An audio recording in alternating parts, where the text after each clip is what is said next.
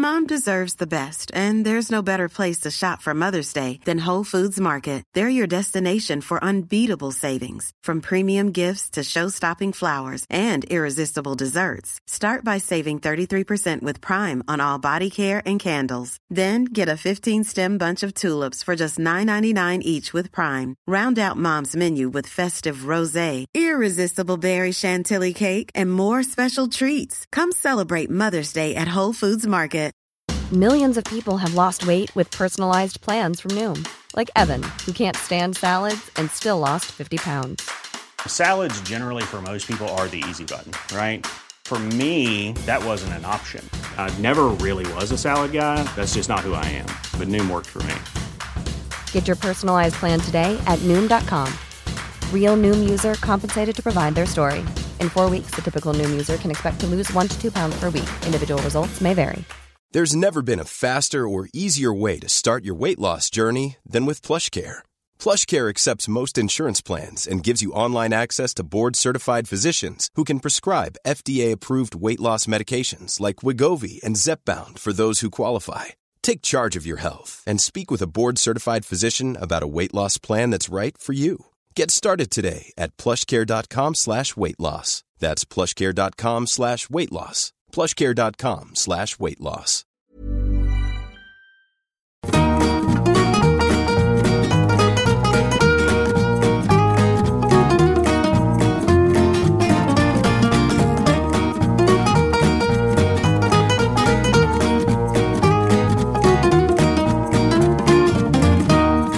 Hej och välkommen till Kulturråden! Ännu en vecka. Ja, med uppehåll och nu är vi tillbaka. Och nu är Ja. vi tillbaka! Vi har haft uppehåll och medan uppehållet har varit så har någon råkat gifta sig. Ja, Hoppsan! hoppsan! Hur gick det till? Någon Ja, det i är inte gänget. jag. Och det är inte jag. Det är jag. Det är våran eminente Soraya Hashim. Jag lyckades gifta mig. Ja. En äkta gift. En äkta gift. Eh, Det känns ingen Så det skillnad. var så roligt som några kompisar till mig sa, eh, som inte var på bröllopet. Och de bara, alla var ju där.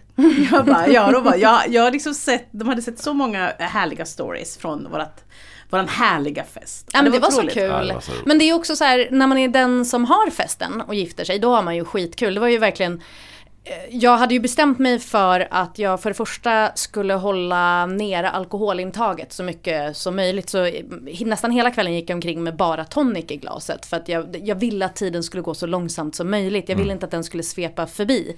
Ehm, så vid något tillfälle kollade jag klockan och bara okej det har bara gått en och en halv timme. Jag har så mycket tid kvar av den här festen. Jag njuter, jag njuter, jag njuter. Jag är här, jag är här, jag är här.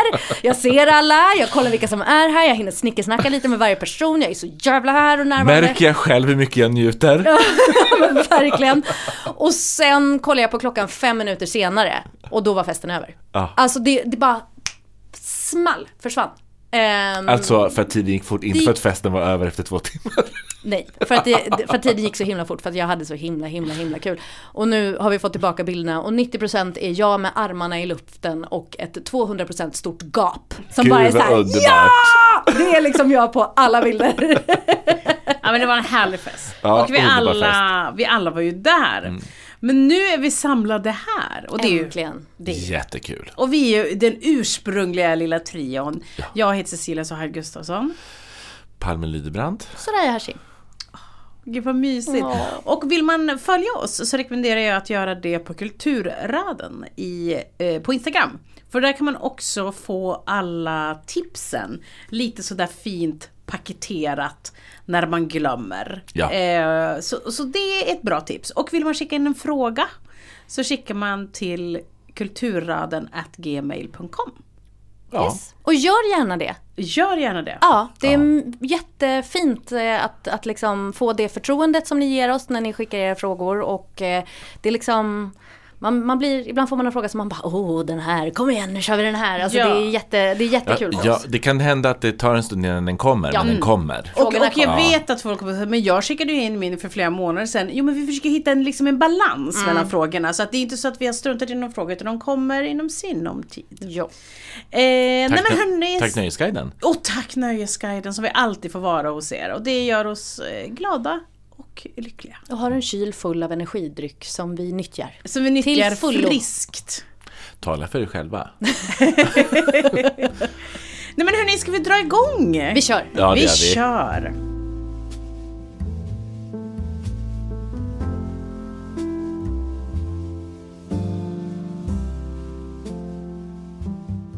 Hej Kulturråden! Jag blev för ett tag sedan dumpad efter att mitt ex varit otrogen mot mig. När han dumpade mig påstod han att det var för att han behövde tid att lära känna sig själv. En kort tid efter det blev han tillsammans med en gammal klasskompis till mig, som han även känt under tiden vi var tillsammans. Jag saknar honom inte alls längre, men jag kan inte riktigt komma över sveket från både mitt ex håll och från min gamla klasskompis. Vi var aldrig vänner, men vi hängde i samma gäng. Hur ska jag göra för att kunna släppa det? Tack på förhand. PS. Jag älskar podden. Sluta aldrig med det ni gör. Hälsningar Agnes. Har ni läst Egenmäktigt förfarande av Lena Andersson? Jajamän. Japp, japp, Japp, japp, japp, japp. Eh, jag läste den efter en dumpning. Och eh, det jag tyckte var så skönt med den boken var att den är så full av konstateranden om, eh, och sanningar om kärlek. Det var lite skönt att någon satt på någon slags facit om vad kärlek är och hur det funkar och hur det känns och hur, hur eh, liksom att bli bortvald känns och vad, hur det fungerar på något sätt. Det var som vetenskapens värld typ. Ja. Men tänkte du det som facit? Ja, jag, jag kände det Ja. lite grann. Eller delar av det klingade an så hårt i mig att jag strök under väldigt mycket i den. Och det var framförallt en rad som fortfarande hänger kvar, som jag tänkt mycket på. Eh, där, där hon skriver att bli utbytt är alltid obegripligt, omöjligt för tanken. Den man blir ersatt av är alltid orimlig. Alltid. Eh, jag tycker väldigt mycket om den för att det var så skönt att veta att det fanns fler där ute som var cray cray. eh, för man blir ju det. Ja. I, alltså, så, alltså i, eh, när man är kär och när man, alltså riktigt jävla kär. Och när man blir lämnad eller dumpad. Så blir man ju tokig. Ja, och jag tycker den här meningen eh, håller fast i det lite grann. För att det spelar ju liksom ingen roll om den man har varit ihop med sen blir ihop med självaste Jesus Kristus. Det här är ju en sanning att den man blir bortvald för är orimlig. Den måste vara det för att man själv ska kunna gå vidare. För eftersom man var den som inte blev vald. Så måste man göra ner den andra. Eh, igen, det behöver inte vara sant. Det kan ju vara en toppenperson som den personen blir ihop med. När jag läste det här brevet så kom jag att tänka på en av mina favoritpersoner, Nora Ephron. Mm. Berätta vad ni vet om Nora Ephron eller vad ni har för känslor kring henne. Nej, men det är som att jag alltid glömmer bort och så tänker jag att det är också eh, samma person som I'm wearing taupe, I'm wearing cream, I'm wearing beige. Eh, men det var väl en komiker som, ja du tänker Så- på Diane Keaton? Jag tänker på den, jag tänker på vad är det Jane Fonda? Men eh, eh, Nancy Myers. Nancy Myers, ja men det, ja, Du det, det är, är släkt. Det är Ja, släkt. det är släkt. Det är liksom, det är cozy core. Ja. Det är kärlek. It's white wine. Ja men det är, det är liksom inredningar som man dröm, varje hem ser så bebott ut. Ja. Och härligt. Och det är Meg Ryan. Det är inte att man behöver eh, vända på varje krona för att få den där inredningen. Nej. Eh, flera kronor finns i plånboken. Ja, ja, ja, ja, Ja. Och det är liksom eh, alla kvinnor har en sån där eh, avslappnad stil men ändå rik Ja. Mm. och dyr och vacker. Och Loose but also fit. exactly that! Vilket avsnitt var det som vi hade med det där? Jag kommer inte ihåg men det är så himla Det roligt. är jag så hjälpsamt. Man kan tänka sig himla mycket på min kompis Sally som var den som skickade det till mig. Eh, och det är för kul. Det är Det är, så för kul. Ja.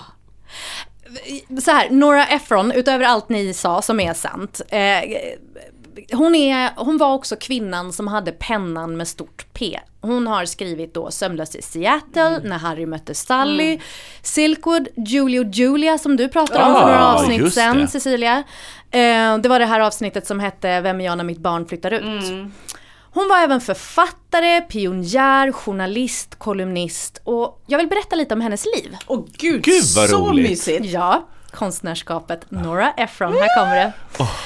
Nora föddes 1941 och hon föddes Vänta in... stopp, jag måste få ta min lilla stora kopp med te i. Har du tvåhandsfattning? Jag har tvåhandsfattning och jag har en filt som är en poncho. Eh, Virkad? Virkad. Eller är det white wine? Det kanske är det. Och så sjunk, Ja, i, I min lilla kopp. Nej, det måste vara ett stort glas Ja, är ett glas. liksom stort och och så så. sjunker du ner i den här Ah, goda oh, soffan. jag har page. Du har page. Och det, det, det är slingor i den pagen också. Ja, gud. Kanske jag har läsglasögon. Ja, och Vänta, så har du relaterbar inredningskonst på väggarna. Ingenting som provocerar. Nej. Det är bara vackert. Vackert. Kanske också kvinnokroppen. Den är där. Den är där. Åh, den beundrar vi. Vänta, och jag är redo nu. Fortsätt. Okej, okej.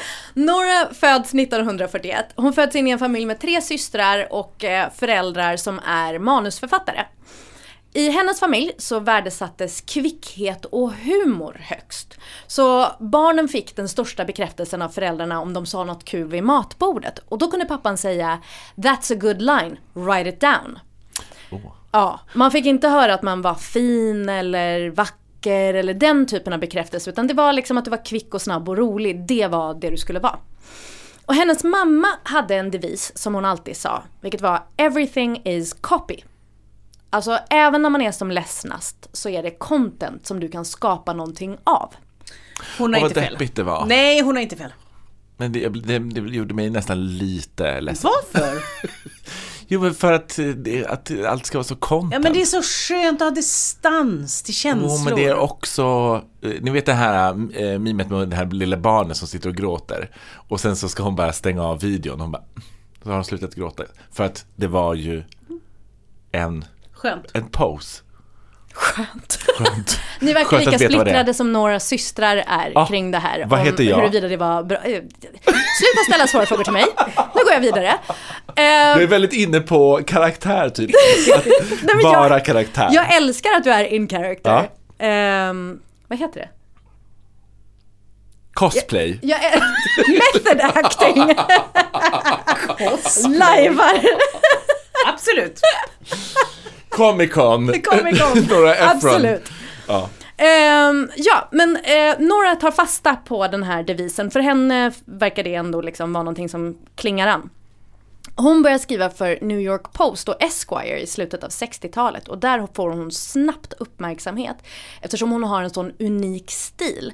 Hon använder sig själv väldigt mycket i texterna och sina egna erfarenheter och hon skriver väldigt personligt, både i ämnesval och i sin ton. Och hon är den enda på den nivån som bevakar den tidens feministiska våg. Eh, Så hon är den som liksom gör att eh, folk som så här Gloria Steinem och liknande kommer fram och blir it-persons väldigt mycket. Kanske inte bara hon, men hon är drivande i det. Och lite senare så börjar hon också skriva filmmanus. Och hon blir en feministisk pionjär inom journalistiken och i New York så blir hon en it-girl med de coolaste vännerna, de coolaste sammanhangen utöver att hon själv är mega cool. Det känns liksom som att hon verkligen tillhör de där, du vet, New York intellectuals. 100 Ja. procent! Alltså, det finns ju ja. en del de där som har, alltså de går alltid klädda lite sådär stora kavajer, röker, Ja. Har liksom, du vet, all, de ser, ja men som jag säger, väldigt avslappnade ut men det är dyrt. Ja. Men det här är ju en kvinna som hamnar i liksom talkshow-soffor och sitter draperad över en soffa och liksom så här vevar lite med sin Ja. arm och pratar lite i sin bruna page och är så här perfekt och witty. Så. I mitten av 70-talet, då går hon på en fest där hon träffar Carl Bernstein. Och han är också en uppburen journalist. Men han är politisk journalist och en riktig ladies man. De blir blixtförälskade och gifter sig 1976 och hon flyttar med honom till Washington där han måste jobba. Och jag tycker det är så intressant att när de träffas på den här festen, han har ingen aning om vem hon är. Och det tycker jag är så speciellt för hon är så uppburen. Hon är en sån pionjär. Och han bara, jag hade ingen aning om vem hon var eller vad hon skrev, du för att han var så uppe i arslet på sig själv. Liksom. Och hon visste såklart vem han var. Hon visste såklart vem han var. Som min kille och jag, jag poddstjärna, han ingen aning. Nej. Men de flyttar i alla fall till Washington och i Washington finns inte så många it-couples som i New York. Så där kan man säga att de regerar. De är med i tidningarna hela tiden, alltså skvallerblaskor och liknande. Och alla vet vilka de är. Och de bjuder till stora middagar så att de it-personerna som finns i Washington, de är hemma hos dem på middag ständigt. Och det är liksom precis som på film. Och det går så himla bra för dem, inte minst för Carl och hans karriär. Han har precis varit med och avslöjat Watergate-skandalen, alltså den som gjorde att pres president Nixon fick avgå och filmen om det avslöjandet, Alla presidenternas män, med Dustin Hoffman och Robert Redford i huvudrollerna har precis haft premiär. Mm. Så han är ju på sin topp. Yep. Peak karriär. Att Dustin Hoffman spelar en, en kanonfilm om hur smart och duktig man är. Det, man har haft sämre dagar i sitt liv. Tänk vad svårt det måste vara att se på sig själv och inte vara enormt självgod efteråt. Ja. När man bara säger, och jag var den goda i det här. Och spelades med de där, alltså. Ja, men jag är nog liksom, nu har jag, när jag har suttit och liksom grottat mig in i det här ämnet så känner jag att eh, han var nog ganska självgod redan innan ja. Dustin Hoffman spelade honom. Det var liksom inte en ovan känsla för honom. Jag är, har blivit superjävig mm. efter att ha tagit reda på mer information om detta. Men så en dag då Tre år efter bröllopet, när hon är sju månader gravid med deras andra barn, så upptäcker hon att Carl är otrogen. Och han är inte särskilt smidig om det. Han har bland annat betalat för restaurangbesök och blommor och så med deras gemensamma kort. Så hon hittar kvittorna. Och bit för bit så börjar hon lägga pusslet om hur lurad hon har blivit. Inte bara av Carl och den här kvinnan utan alla deras gemensamma vänner som hela tiden har vetat men inte har berättat för henne. Hon okay. är mm. genombedragen. Min värsta mardröm. Mm. Mardröm, alla vet fast inte du. Mm. Det, är liksom... det är verkligen min värsta mardröm. Det är som att eh, jag kan förlåta eh, mycket. Eh, men inte att eh, det. Alltså Nej. just det där med att alla vet om. Gud, Verkligen. Verkligen. Och när hon, om jag förstått det rätt, liksom, när hon har tagit upp det med folk och sådär, men, men varför sa hon inget? Nej men alla ligger med alla, vadå då? Alltså att folk ah, var så jävla chill om ja. det, men hon var ju inte chill om det. Hon hade kanske velat ha en heads-up från någon. Såklart, vi pratar liksom 80-tal, tidigt 80-tal kanske. Ja, 70-tal, 70 mitten av 70-talet. Ja. Precis, det var mm. liksom allt var flytande, mm. alla in, in, intellektuella, vad är mm. det, vad är monogami? Ja, ja absolut liksom. men hon kanske ändå Nej, hade velat ha en liten så. En heads up. Ja, men så hur hanterar man då en sån sak om man heter Nora Ephron, om man har växt upp med en mamma som sagt “everything is copy”? Jo, man skriver en bok om det. Ooh. Nej här du har, jag har den. med? Jag har med mig den. Nej, vad kul! Vilken rolig framsida. Ja. Är det en liten djävul där? Det är en liten djävul. Då är det inte en bok för mig. det här är ju en riktigt så sönderbläddrat ex av den här boken. Jag tror att det är en gammal, ganska gammal utgåva. Eh, som jag hittade i någon sån second hand-korg någonstans. Vill du titta? Underbar. 1983 kom alltså boken Heartburn ut som handlar om allt det här. Och i boken så skildrar hon sig själv som en matskribent men annars så sägs det mesta vara ungefär som det gick till. Bland annat en scen när hon ska laga en ring hos deras juvelare, som man har. Man har en juvelare. Vem har inte det? Har inte det? Ja men ja, hur många som helst. Eh, Hovjuveleraren. Eh, ja, men hon, det är en scen när hon ska laga en ring hos juvelaren och så säger han så här till henne. Vad tyckte du om halsbandet som han köpte till dig? No. Hon bara, vilket halsband? Ja, vadå för halsband? Han bara, eh, hon bara, aha, nej men det kommer säkert till jul då. Eller, ja, och då fattar ju hon. Ja. Och då förstår hon också i den scenen att medan hon födde deras första barn då hade han varit hos juveleraren och köpt det här halsbandet till den här andra kvinnan. Mm. Carl Bernstein framstår inte längre som en hjälte, om man säger så. Jag älskar Heartburn för att den är så väldigt Nora Ephronsk. Alltså man sveps med i tonen som är så perfekt sarkastisk, syrlig, rolig, svart. Samtidigt som den är varm och har hög igenkänningsfaktor. För, för mig så går den här boken rakt in jag försökte få en av bokklubbarna som jag har hoppat av att älska den lika mycket som jag gör. Och då hoppade du av när? Det Strax inte... efter jag hade startat den. Ehm, ja, men det, det, det här är min grej, jag startar bokklubbar och hoppar av dem. Men eh, jag, jag försökte få en av mina bokklubbar eh, att eh, älska den lika mycket som jag gör. Det gjorde de inte. Men jag tänker att den ändå kommer träffa rätt eftersom den, det här ämnet ligger så nära Agnes. Dessutom, och det här kommer du gilla Cecilia, så har hon strösslat med recept genom boken. Eh, Eftersom karaktären då är matskribent så pratar hon väldigt mycket om mat som terapi och hur olika ingredienser representerar olika faser och känslor i ens liv. Till exempel potatismoset som tröst när man är som ledsnast. Någonting även Ann Heberlein skrev om i Jag vill inte dö, jag vill bara inte leva. Sa det senast idag Ja. när jag chattade med en kompis och som frågade hur mår du? Och jag svarade jag vill ha kolhydrater. Ja, Det är det enda. Det är november. Jag ser ut som ett lik som har legat i vattnet i två veckor och är nu blå. Och det enda jag vill ha är potatismos. Och det, det finns en scen här till exempel när hon pratar om Um, i slutet liksom när allting är brutet och trasigt och sådär. Och så skriver hon så här. In the end I always want potatoes. Mashed potatoes. Nothing like mashed potatoes when you're feeling blue. Nothing like getting into bed with a bowl of hot mashed potatoes already loaded with butter and methodically adding thin a thin cold slice of butter to every forkful.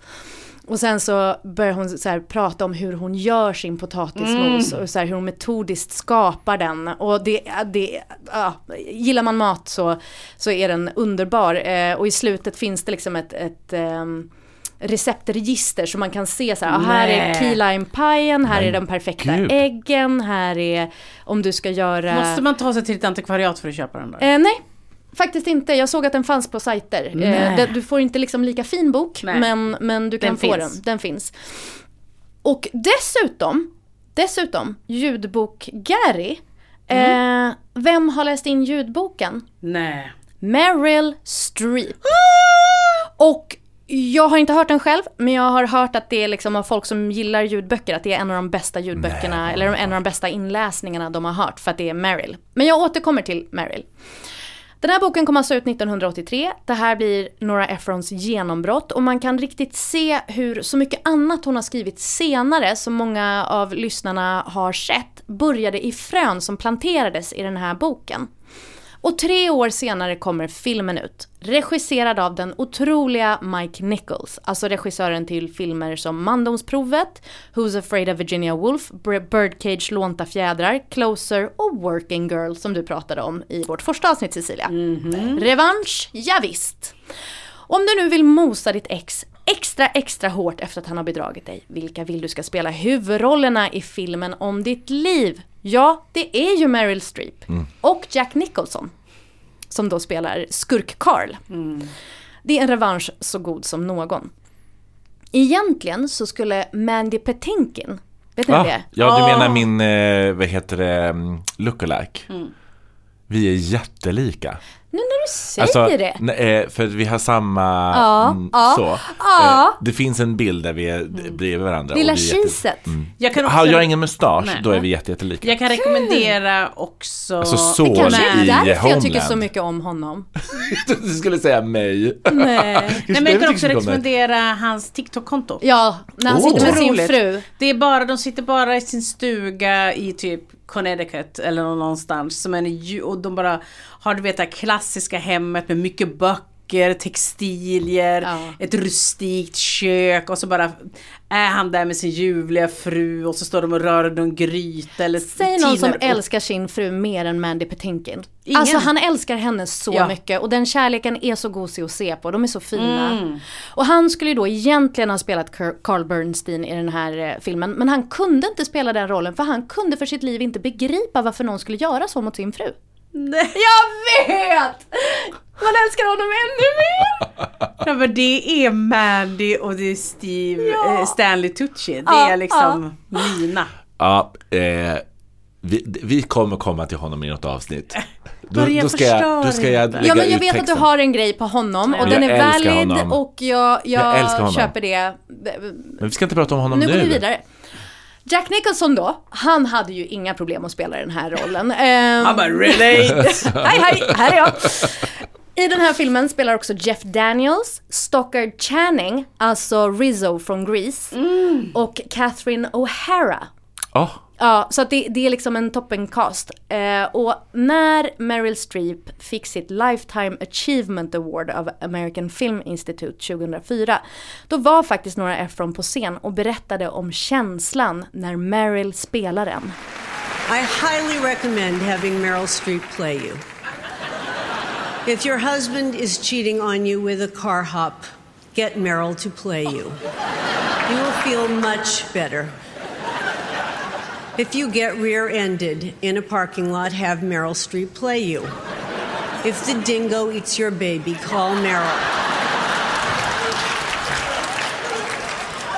She plays all of us better than we play ourselves, although it's a little depressing knowing that if you went to audition to play yourself, you would lose out to her.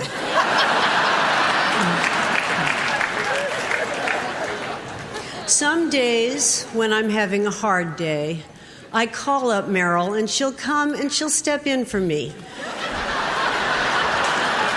She's so good, people don't really notice. I call her at the end of the day and find out how I did, and inevitably, it's one of the best days I've ever had. Den här filmen, den är verkligen inte perfekt. Boken är mycket, mycket bättre. Eh, men den är ändå mysig. Eh, men jag tror att en del av varför den inte riktigt når hela vägen fram, den här filmen, det är en del man saknar i den, har att göra med att eh, Carl Bernstein i skilsmässan förhandlade till sig att få något att säga till om i slutkorret av filmmanuset.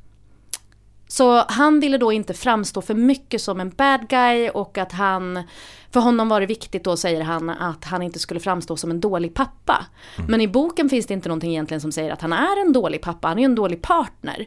Men eh, ja, så han fick nog för mycket att säga till om där och det gör också att, att Ja, men det är lite saker som saknas. I den här boken är liksom, man kommer direkt in i den här otroheten och sorgen. Men i filmen så bygger de från att de möts och de blir kära och, och då får du en helt annan väg in i berättelsen. Ja. Men se den ändå, det är ett stycke kult och det är ganska skönt att bli representerad av Meryl Streep i det här läget som du är i nu Agnes. När man har blivit bedragen, då behöver man att den som har bedragit den blir mosad. Man vill att alla ska se vad han har gjort mot den, att alla ska avsky honom och man minns varenda person som har likat hans statusar eller grattat honom på födelsedagen på Facebook efter otroheten. 100 procent. 100 procent. Man håller koll. Man vill att alla ska vara på en sida och att han ska stå ensam på andra sidan med brallorna nere vid anklarna och frysa. Därför ska du sätta dig in i konstnärskapet och personen Nora Ephron. Hon är en varm kram som kommer hålla om dig samtidigt som hon är vass mot alla andra utanför den här kramen. Och det tror jag kan vara en bra tröst att se henne bryta ner den här stora Carl Bernstein bit för bit inför alla andra. Och du får liksom hälla ner dig i henne och ditt ex i Carl Bernstein. Efter hennes död 2012 då gjorde hennes och Carls son en dokumentär om henne som heter just Everything is copy. Och där är Carl Bernstein med.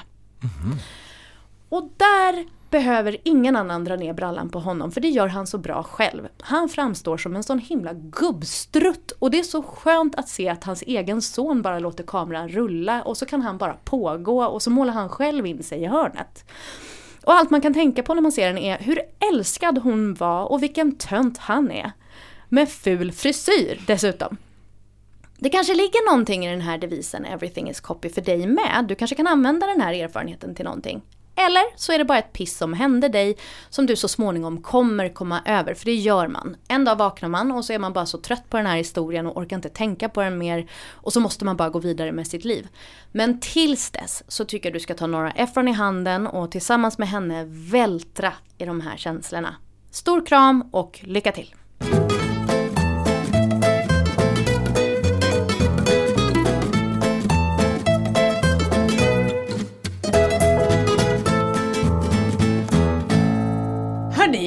Ja, vad har ni? Vad, vad är er relation till självhjälpsböcker? Åh, Astrogaris igen känner jag nu. Nej men jag har ju problem med det. Du? Jag har ju problem med det. Ja. Alltså, jag, eller jag har inte egentligen ett problem, vet du vad, när jag backar, jag måste känna, jag är inget emot det, men jag har något emot det. Mm. Ska jag säga vad jag har emot det? Ja, säg jag tror det. att det jag, för jag tror att jag Ja. kanske kan läsa dig i Ja. detta. Och d- har det inte att göra med någonting med att det känns som att det är en industri som är inte helt ren? Ja, och att det är så här, men du kan bara kavla upp dina ärmar och så går du ut där. Alltså så. Eller så går du till en läkare och får liksom den hjälpen du faktiskt behöver för du kan inte sätta ett plåster på en, liksom, ett Men- amputerat exakt. ben. Och men också, vem är jag kastar glas i stenhus? Ja. Sten i glashus. Här sitter vi och är kulturpsykologer. Men vi räknas inte. Nej, men, nej, men jag det är tycker inte att samma det, sak. Jag tycker att det är skevt. Eh, är svårt. Och eh, det är lite självgott Mm. i böckerna, de som har skrivit det. Och så tänker man väldigt mycket på så eh, tigerränder och, och Nej, jag hör dig. Jag hör Men det dig. kanske är också att man så här inte riktigt vet vad, vad grundar du det här du säger Mm. på? Att det kan vara lite sådär, eh, och så ska du säga så här för den här metoden. Man bara, men vad, vilken forskning baserar du det på? Att jag kan bli lite så Men, journalist. och igen, vem är jag? Alltså jag har ju citerat olika självhjälps-TikToks 18 gånger i det här programmet. Men så att, eh, it's complicated. It's complicated. Eh, jag, eh, ja, jag kan säga er att eh, det här blir avsnittet jag kommer att prata om en självhjälpsbok. Vad kul! Du kanske kan Spännande. vända mig nu. Spännande. Ja men precis. Nej men så här. Eh, jag brukar alltid tänka när man blir dumpad. Jag brukar ju lite skämtsamt säga att jag själv har blivit dumpad flera gånger. Att vad det är liksom vad det är som, som liksom hänger kvar i det. Alltså sorgen. Sorgen går igenom flera olika faser. Och eh, att bli dumpad för någon annan, precis som vi pratade om, det är ju så himla tufft. Därför att eh, det är ju det att man blir liksom bortvald. Det är ju liksom det värsta på något sätt. Och jag kan ju också, precis eh, som vi pratade om med egenmäktigförande, eh, jag har ju blivit bortvald ganska många gånger.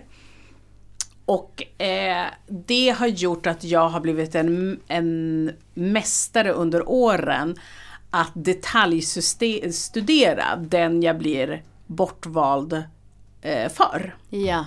Jag skulle dock säga att jag sällan tyckt att personen har varit orimlig. Tvärtom, jag kan, jag kan vara ganska hård mot mig själv. Att jag kan verkligen vara så här, ah, ja, det är klart att han valde henne. Hon och så... Eh, För att liksom gräva ner Ja. mer, eller liksom gräva i graven tänkte jag säga, djupare? Eller är det för att så här, faktiskt, eh, okej jag är lite rimlig och har självkritik? Nej, jag var absolut inte rimlig att ha självkritik. Utan det är verkligen sådär att jag Eller vill liksom rimlig. vältra mig. Jag bara, du är väl ändå rimlig när du...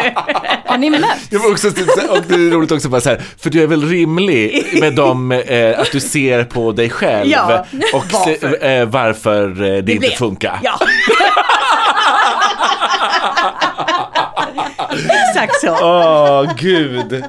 Nej men jag gillar ju, i den, när jag är i den perioden av sorgen så gillar jag ju verkligen att vältra mig. Nej men Går du in i något så här detektivarbete? Ja. Du blir Veronica Mars och bara Nej, ska men ta reda det, på allt? Jag vet så mycket. Ah. Jag vet så mycket. Men jag har ju också varit den andra kvinnan. Mm. Eh, och eh, så att jag vet ju också på olika sätt. Så att jag vet ju också att jag själv har blivit skärskådad. Och, och jag är ju en ganska tacksam person att liksom ståka. Eh, för att eh, det finns ju en 11-årig podd som jag har gjort. Till exempel, det finns den här, det finns intervjuer, alltså jag hade hatat mig själv.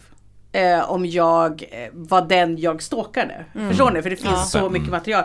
För ofta problemet är när man stalkar att det finns för lite mat- material. Ja, det är Jag låsta blir ju- konton, det är liksom Ja gamla men du bilder. vet, jag blir ju dum- dumpad för nobodies. Ja. Eh, och då är det svårt att hitta dem när de är nobodies.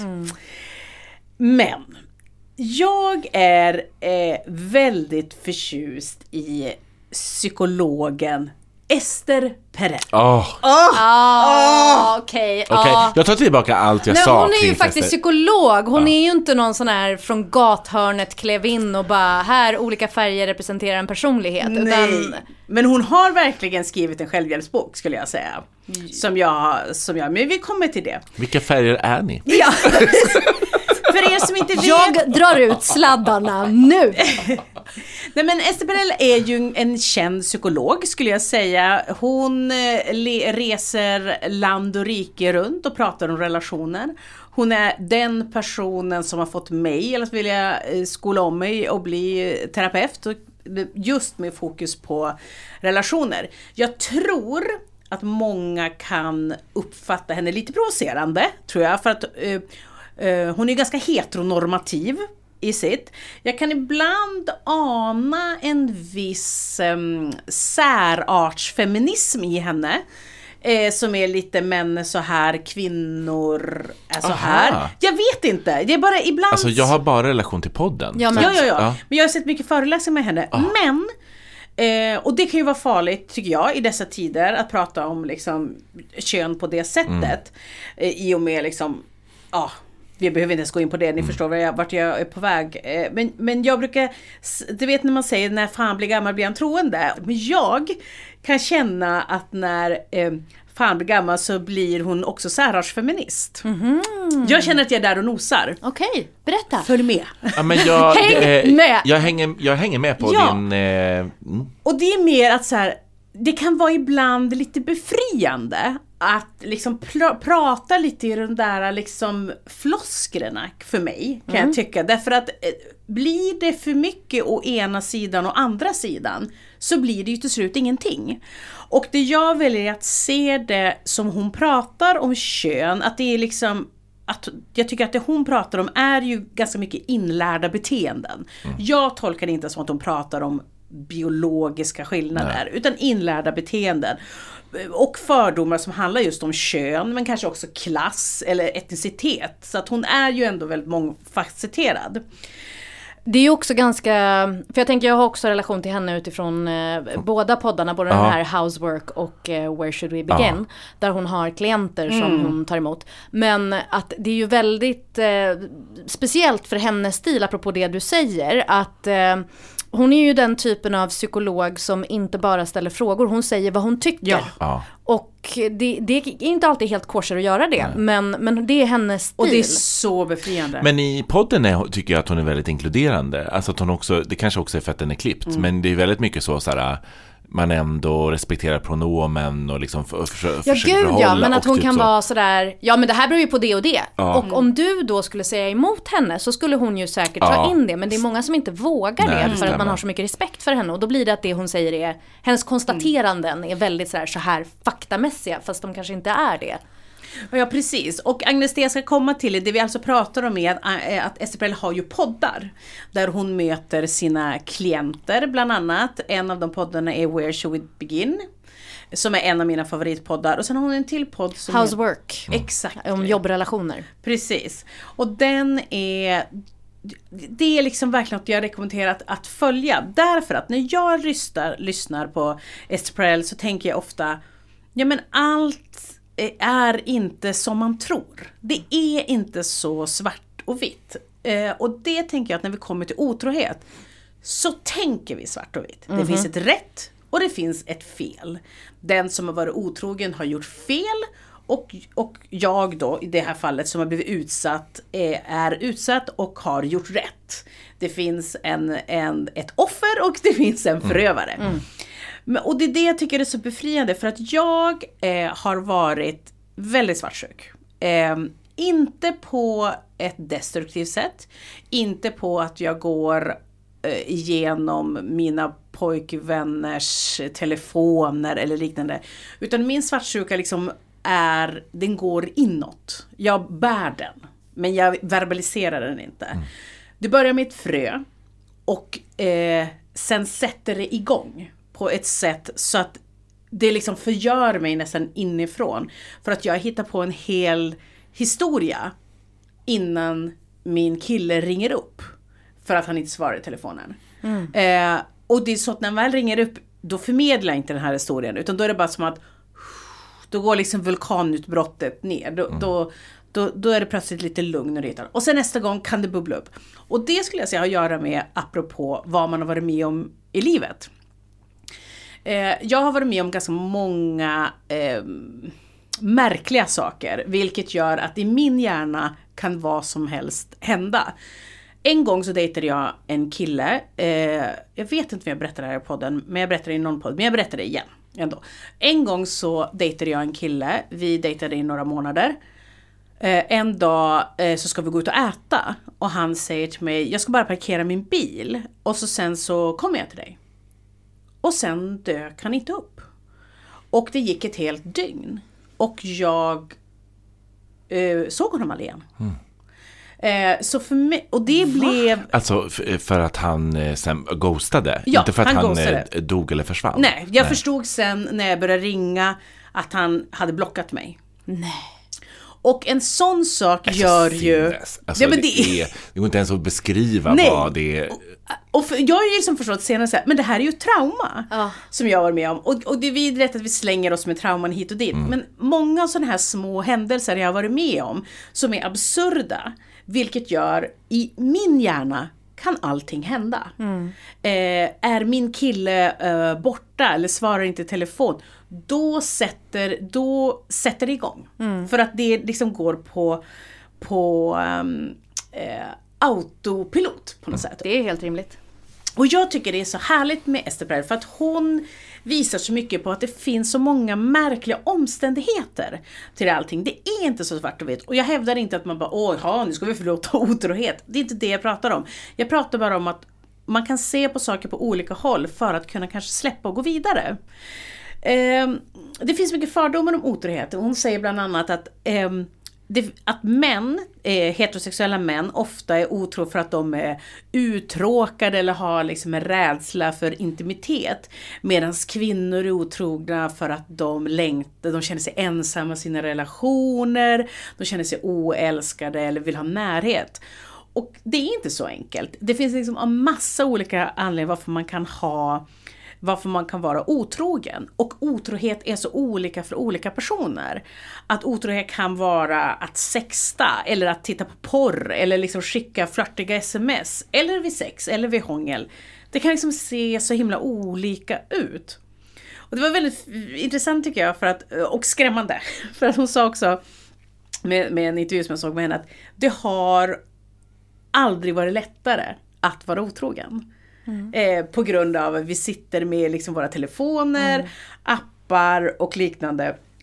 men hon säger också, men det har också aldrig varit svårare att behålla en hemlighet. Just det. För det finns skärmdumpar. Det finns, alltså det är enkelt, det räcker med att du gör någon lite pissed off. Så kan ganska snabbt mattan ryckas under fötterna på dig. Och eh, det jag tyckte var intressant, för att jag kan också, precis nu Agnes fundera på liksom det här med varför är någon otrogen? Att man liksom kan gå och grotta sig, varför blev jag bortvald? Och, och det jag hör mellan raderna när Agnes skriver att egentligen handlar det inte så mycket, hon har inte så mycket känsla för den här killen längre. Eller så här, det, det känns mest som att vad, va är, va är det?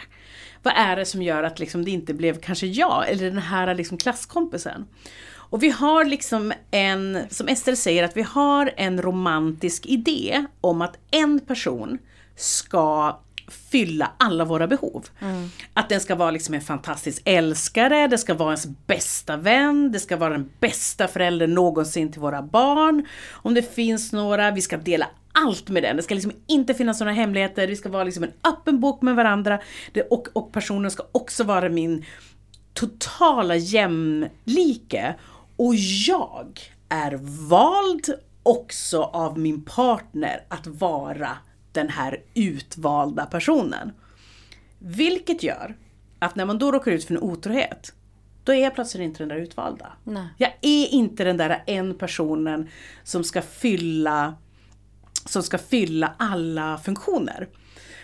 Och det som hon återkommer till som kan bli liksom en sån livskris, som jag liksom lite kan höra också i Agnes, är att man liksom nästan trodde så här, hon, hon, berättade om en kl- klient som hade sagt till henne att jag trodde att jag visste dels vilka hur vi var som par, eh, men också att jag trodde jag visste exakt hur mitt liv skulle vara och vem jag var i den här relationen. Och nu helt plötsligt ifrågasätter jag allt. Och just där, hur ska jag kunna lita på någon igen? Att det liksom, det blir en sån extrem så här, känslomässig ex- existentiell kris.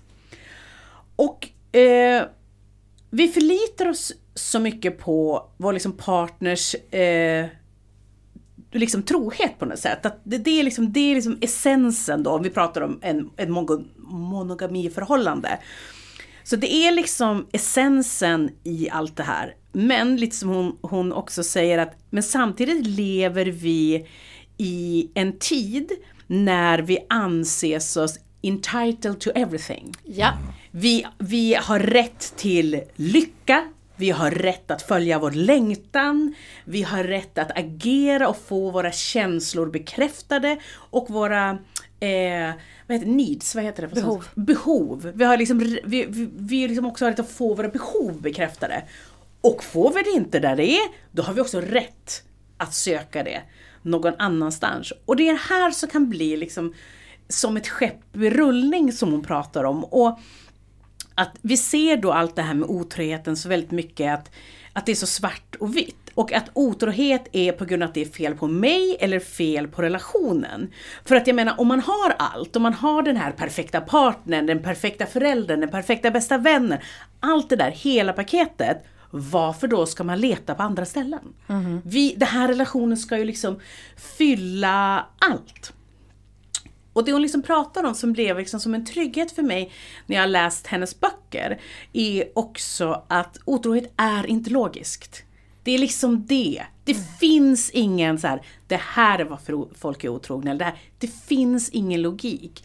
Du kan vara, du kan ha en hög moral som person. Men, men liksom, det hjälper inte för att logik och otrohet hör inte ihop. För att det pratar om så här, varför är då lyckliga människor otrogna till exempel? Och då pratar hon om att det, det är liksom känslor som man inte alltid kan förklara när hon har intervjuat personer som har varit otrogna. Att det kanske liksom mer ligger på en frihetskänsla, det en längtan efter en ny känsla? Det handlar liksom om det, att så här, jag har kanske en helt fantastisk relation, men där borta finns en känsla som jag är nyfiken på. Och såklart så lyfter det till 10 000 frågor. Varför, eh, varför räcker det inte? Är du villig att kasta bort allt det här för den där nya känslan? Men man ska liksom inte underskatta hur starkt det kan vara.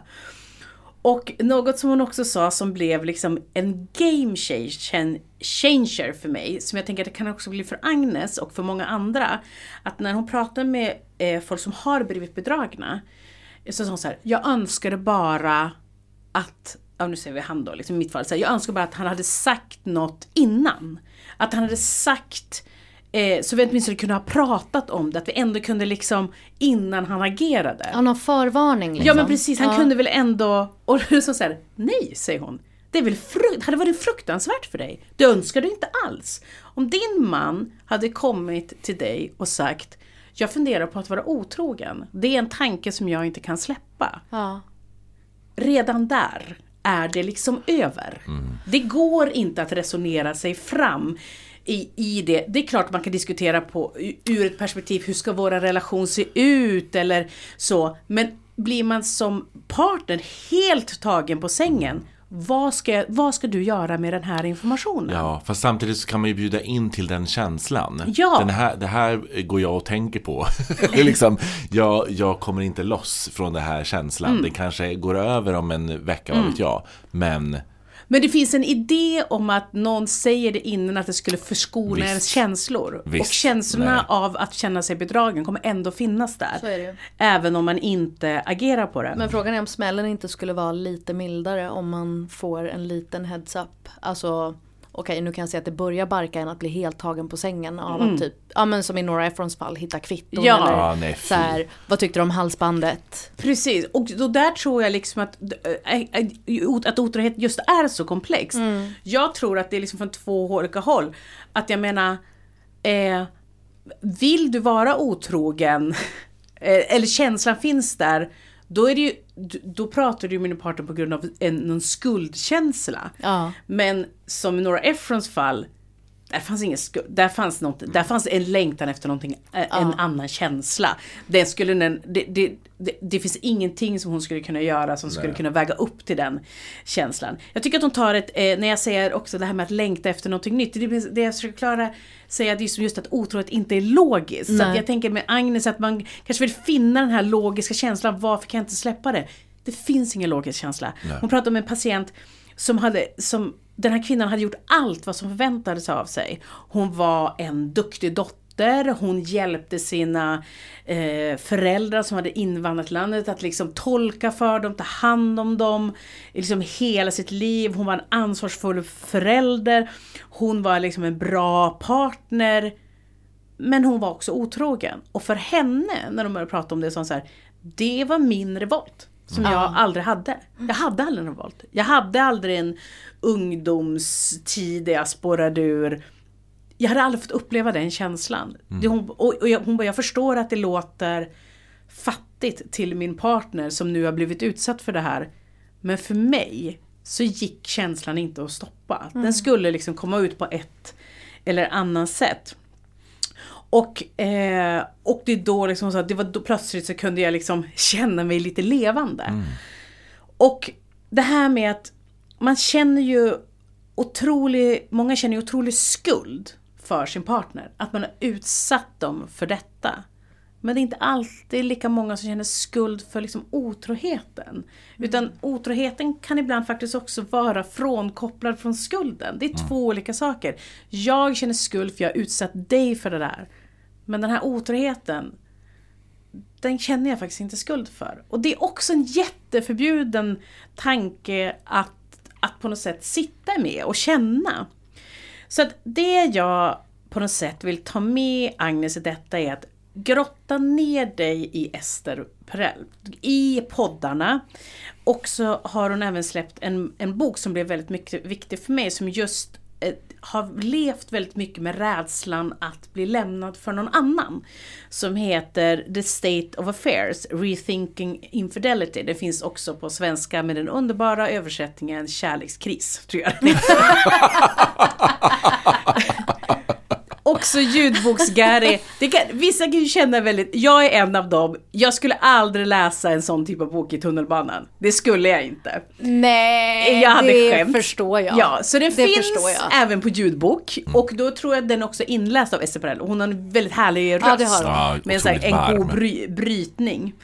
Eh, därför att det som hände för mig när jag började läsa, och det här till alla som är, liksom, lever med den här rädslan också, inte bara Agnes. För det som hände för mig var att jag liksom på något sätt gick igenom min egen KBT-terapi tillsammans med Ester. Att det där mest rädslan och det svartaste och det mörkaste, det blev som att helt plötsligt började jag se relation och otrohet ur ett mer ett studiesyfte. Så aha, det här kan också vara en relation och det här kan vara en relation och så här kan en otrohet vara och så här kan en otrohet Och det jag liksom lärde mig i detta var, man överlever. Man överlever en otrohet. Man, man blir sårad och man blir eh, lite skadad efter den. Men oftast kommer man liksom ut på andra sidan. Och, och jag tänker att det här kan ändå ge en liten fingervis med att det är inte det är inte så svart och vitt. Det handlar inte om att bli utbytt. Det handlar inte alltid om att bli bortvald. Det är verkligen djupare än så. Så grotta dig in i Ester Perels värld. Det är en, en, fan, en rolig värld. Hon är rolig. Ja. Så lycka till Agnes och ni andra där ute som är rädd för att bli bedragna.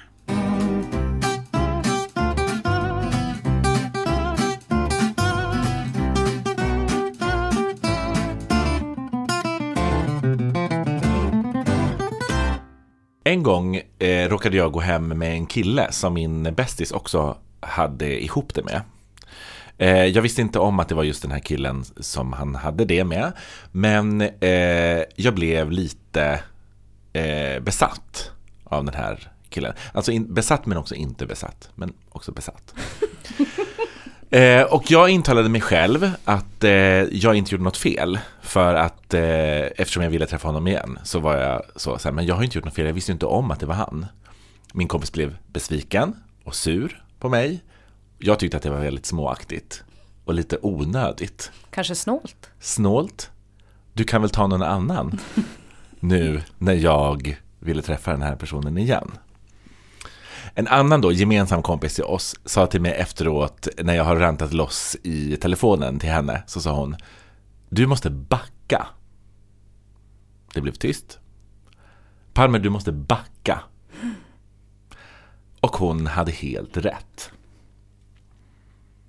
Kapitel 2. Välkommen till mitt sommar. Ja, men det är så spännande. Jag sitter på nålar. Det var inte meningen att det skulle bli så. men Jobbar blev du så. med berättande? Usch vad hemskt. Eh, nu går vi tillbaka till mitt svar. Hej Agnes. I hear you, I see you.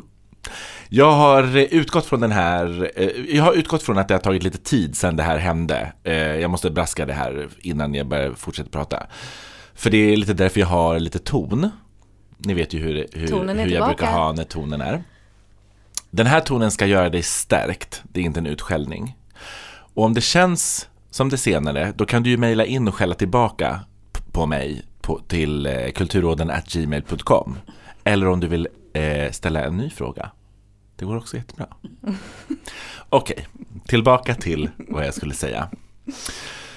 Eh, mina vänner här runt bordet eh, vet att jag absolut är en sån som hold grudges. Jag pratade om det förut.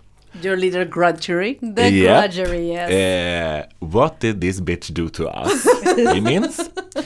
Eh, fram tills att man har fått liksom den här upprättelsen, då kan man släppa. Eh, så, och då är det vips borta, som om det aldrig har hänt. Men annars, jag glömmer inte. Tills jag glömmer. Eller bestämmer mig för att glömma. Jag kan ju också bli, eh, som väldigt många andra, väldigt nostalgisk kring relationer. Känner ni igen det som, som, Va? som känsla? Va? Alltså nostalgisk på, på så sätt som är så, så, så, så relationer som har avslutats eller som aldrig blev. Och att man kan känna typ så, tänk om vi inte hade gjort slut, tänk om det där ändå skulle ha hänt. Känner ni igen? Nej. Är det sant? Jag Spännande. Jag- är, när jag är done. Då är du done. Men för jag, eh, Dörren är liksom stängd. Det, det går inte att öppna upp där. Men för jag- The Walt. jag tänker att det är ju så. Det är mer bara att det här är rena fantasier. Nej, men jag kan inte ens se på personen med de fantasierna längre. Men jag liksom tycker inte ens att det är verkligt, för jag kan inte känna att det finns en eh, verklig möjlighet att det kanske skulle bli. Men fantasin kan ändå slå mig ibland att säga, men tänk om vi ändå, typ så. Du Men är det det? inte lite så här sliding doors grejen? Ja, att man ja. bara, vad Mm. hade hänt om den här tjommen jag stod och hånglade med i en allé en gång om, om det blev något mer, om jag hade Exakt. vågat säga ja till den där Exakt. frågan och kanske följa med eller hade det kunnat, hade jag fått ett annat liv då och hade vi varit tillsammans, hur hade det varit? Att man kan tänka lite det där dagdrömmeriet. Exakt, exakt. Och det har ingenting med verkliga känslor att göra. Nej. Rena fantasier. Ja. Gwyneth Paltrow, nej jag skojar. Det är inte, det är inte sliding doors. Gupp! Här har du ett ägg som du kan stoppa upp i din... Bonani. Kapitel 3. Så det jag ska be dig om nu kanske jag själv skulle haft svårt för, men av samma anledning är det därför jag nu säger det. Agnes, släpp det. Ton. Ja.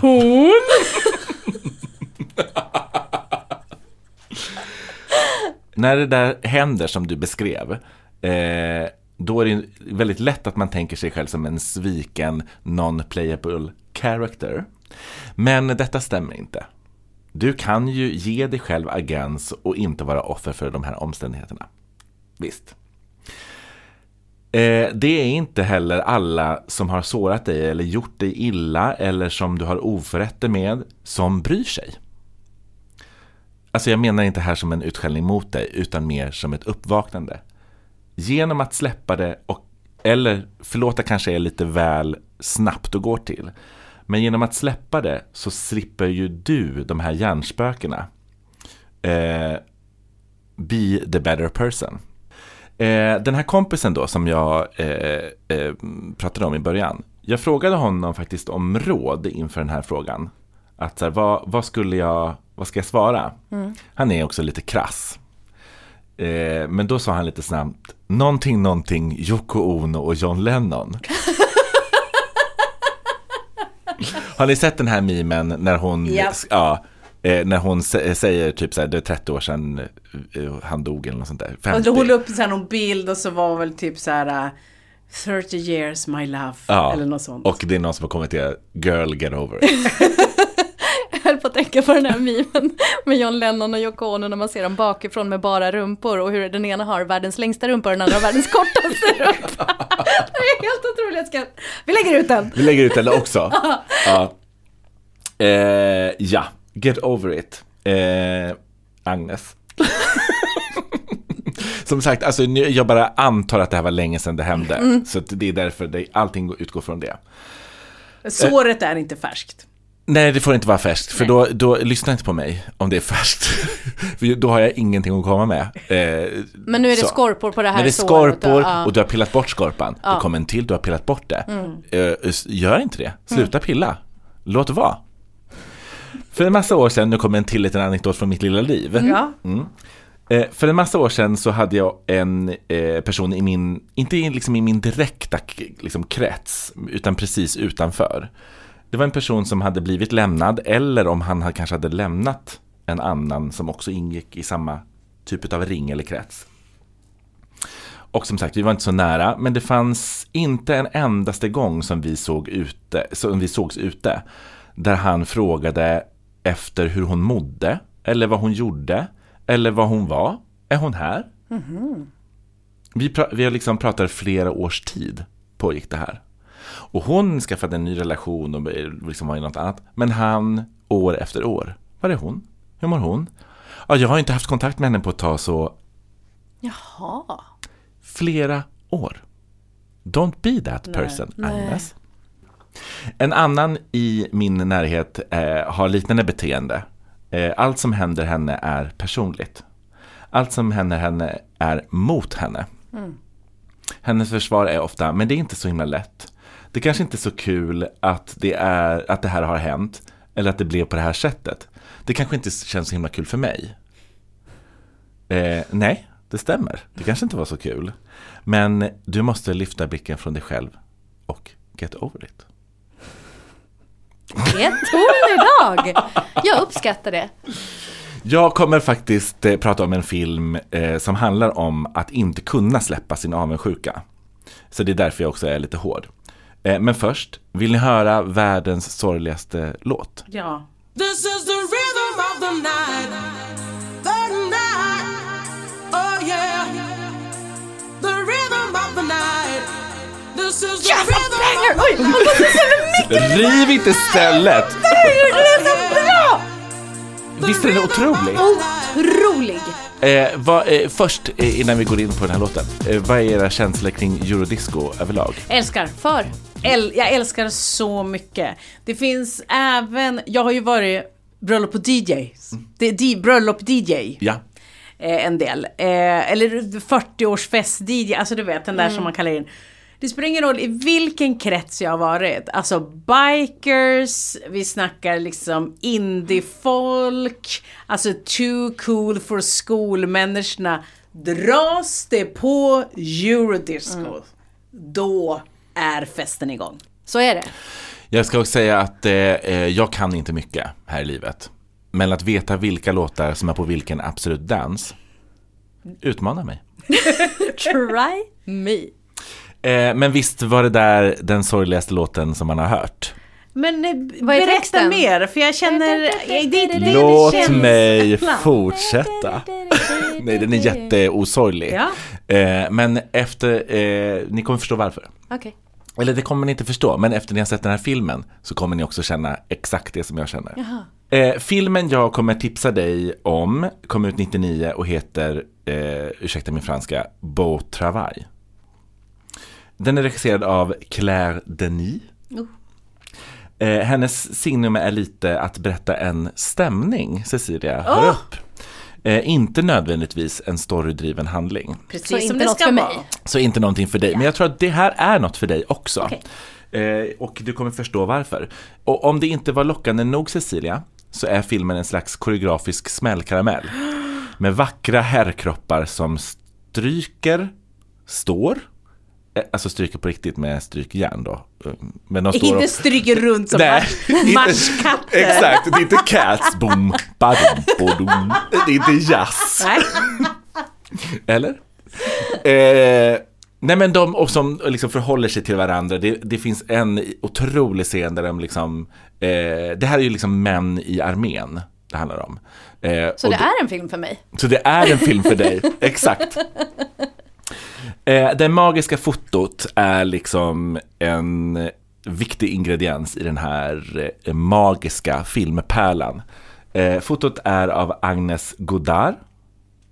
Säger man så? Vi hoppas. Det är genomvackert. En perfekt komponerad bild, strama linjer, naturen, kropparna. Bilden rymmer alla känslor som pressar sig ut i bildens kanter. Det återhållsamma trycket. Spricker bilden? Nej, allt är i sin ordning. Historien är löst baserad på boken Billy Budd från 1888 av Herman Melville. Visst. Det finns också en opera eh, baserad på berättelsen om Billy Budd av Benjamin Britten. Librettot är skrivet av Ian Forrester, eh, samma Forrester som eh, skrivit Howards End, som delar ut av arv, som du pratade om förra veckan, Yes, Cecilia, yes. eh, bygger på, eller för förra veckan då. Hur som helst, musiken från Benjamin Brittens opera Billy Budd finns med i filmen Beau Travail. Cirkeln sluten? Frågetecken. Eh, vi får följa med, eh, eh, ha- känner ni till den här filmen? Nej, men jag håller på här, jag är inne på IMDB och kollar bilderna. Det är inte en enda påklädd överkropp hittills. Inte en enda ful bild. Eh, jag vill också säga att det finns en otrolig affisch. Jag tror att det är, nu kommer inte jag ihåg vem det är som, för några år sedan så började de ju producera nya affischer, det här kan vi kanske inte ha med, eh, i Sverige med så här klassiska filmer. Och då har, är det någon som har eh, formgett den här affischen. Det är så snyggt. Det är så snygg. Vi lägger ut. Vi lägger ut. Ehm, lägg ut. Bredvid John Lennon och Yoko Onos rumpor. Långa korta rumpor. Bredvid Corona, Rhythm of the Night. Corona är det. Ja. Hur som helst, eh, nej, vad skulle vi säga? Jo, just det. Då ska jag berätta vad den handlar om. Vi får följa med den före detta främlingslegionären Galop. Eh, Oui. när han minns sin glanstid som truppledare i Djibouti. Okej. Där var han lycklig. Hans vardag var strikt och reglerad. Men när en ny rekryt, Sertan, ansluter så, eh, så sätts Gallup, eh, Gallup, Gallup, min franska är inte bra. TNS Gallup. TS, exakt. Eh, han sätts ur spel. Eh, varför? Vad i hela helvete är det som händer i hans inre? Och vad det är det i Sertan som rubbar hela den här ordningen? Eh, Sertan har ett visst sätt att vara eh, och, och han har en förmåga som sätter igång, ja vad är det? Är det känslor i Galou? Eh, det är avundsjuka. Han erkänner det också för sig själv, eh, men det är också kanske någonting helt annat. Legionär, jag vet inte heller vad som är skillnaden mellan kommendör och legionär. Nej, men vet. Det, detta, Legionärssjukan. Eh, Jag kan tänka mig så här. Eh, om man inte stört sig på mitt franska uttal än så finns det här en ny anledning till att störa sig på något annat, till exempel arméordningar. Till exempel. Arméord. arméord och så. Hit med Saul. Nej. Eh, Sertan får eh, beröm också utav kommendanten, alltså eh, Gallops chef, Eh, för att han har agerat rätt under ett anfall. Allt är i sin ordning. Så varför är eh, Gallo fortfarande lågmält rasande? Han börjar smida en plan om att få bort honom ur sin väg.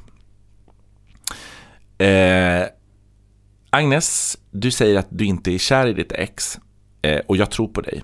Det är, det, det är därifrån jag, jag hämtar eh, det här tipset. Men vad är det då för känslor som du härbärgerar? En vilja till upprättelse? Tänk om upprättelsen inte kommer, vad ska du då göra? Du måste, för, du måste föregå det och öva dig på att släppa det.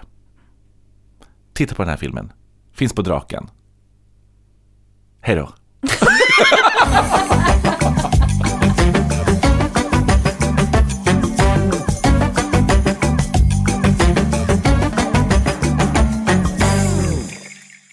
Det var det. Jag älskar din ton! Jag älskar din ton. Det är Det är två- ton med kärlek. Det är det. det är inspirerat av min kompis som sa, du måste backa. Och Agnes, jag vill dig väl, det är därför jag säger det. Släpp det. Ja men vilken, eh, alltså idag har det varit, eh, idag har vi varit överallt. Det har vi. Det har varit i armén, vi har varit i självhjälpsböckerna och vi har varit i Nora Ephraim Land. Det kan inte bli bättre än så här We're in säger the jag. army now. Och de som är arga på mig kan ju vara trygga med att nästa vecka får vi en vikarie. Så Ja. då kan ni, ni kan fortsätta lyssna, smälta ilskan, lyssna på vår vikarie och sen så kanske jag kan få komma tillbaka veckan Och efter. vet du vad Palmer, du kan vara trygg att du inte har tillgång till mejlen. Men vet ni vad, skicka vidare bara. Skicka vidare. Jag kan tåla lite kritik. Aldrig.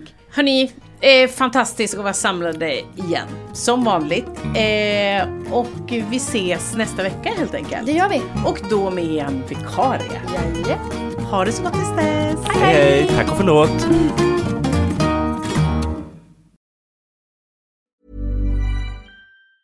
Mom deserves the best, and there's no better place to shop for Mother's Day than Whole Foods Market. They're your destination for unbeatable savings, from premium gifts to show-stopping flowers and irresistible desserts. Start by saving 33% with Prime on all body care and candles. Then get a 15-stem bunch of tulips for just $9.99 each with Prime. Round out Mom's menu with festive rosé, irresistible berry chantilly cake, and more special treats. Come celebrate Mother's Day at Whole Foods Market. Planning for your next trip? Elevate your travel style with Quince. Quince has all the jet setting essentials you'll want for your next getaway, like European linen, premium luggage options, buttery soft Italian leather bags, and so much more. And it's all priced at 50 to 80% less than similar brands. Plus, Quince only works with factories that use safe and ethical manufacturing practices. Pack your bags with high-quality essentials you'll be wearing for vacations to come with Quince. Go to quince.com slash trip for free shipping and 365-day returns. Planning for your next trip? Elevate your travel style with Quince. Quince has all the jet setting essentials you'll want for your next getaway, like European linen, premium luggage options, buttery soft Italian leather bags, and so much more. And is all priced at 50 to 80% less than similar brands. Plus, Quince only works with factories that use safe and ethical manufacturing practices. Pack your bags with high-quality essentials you'll be wearing for vacations to come with Quince. Go to quince.com slash pack for free shipping and 365-day returns.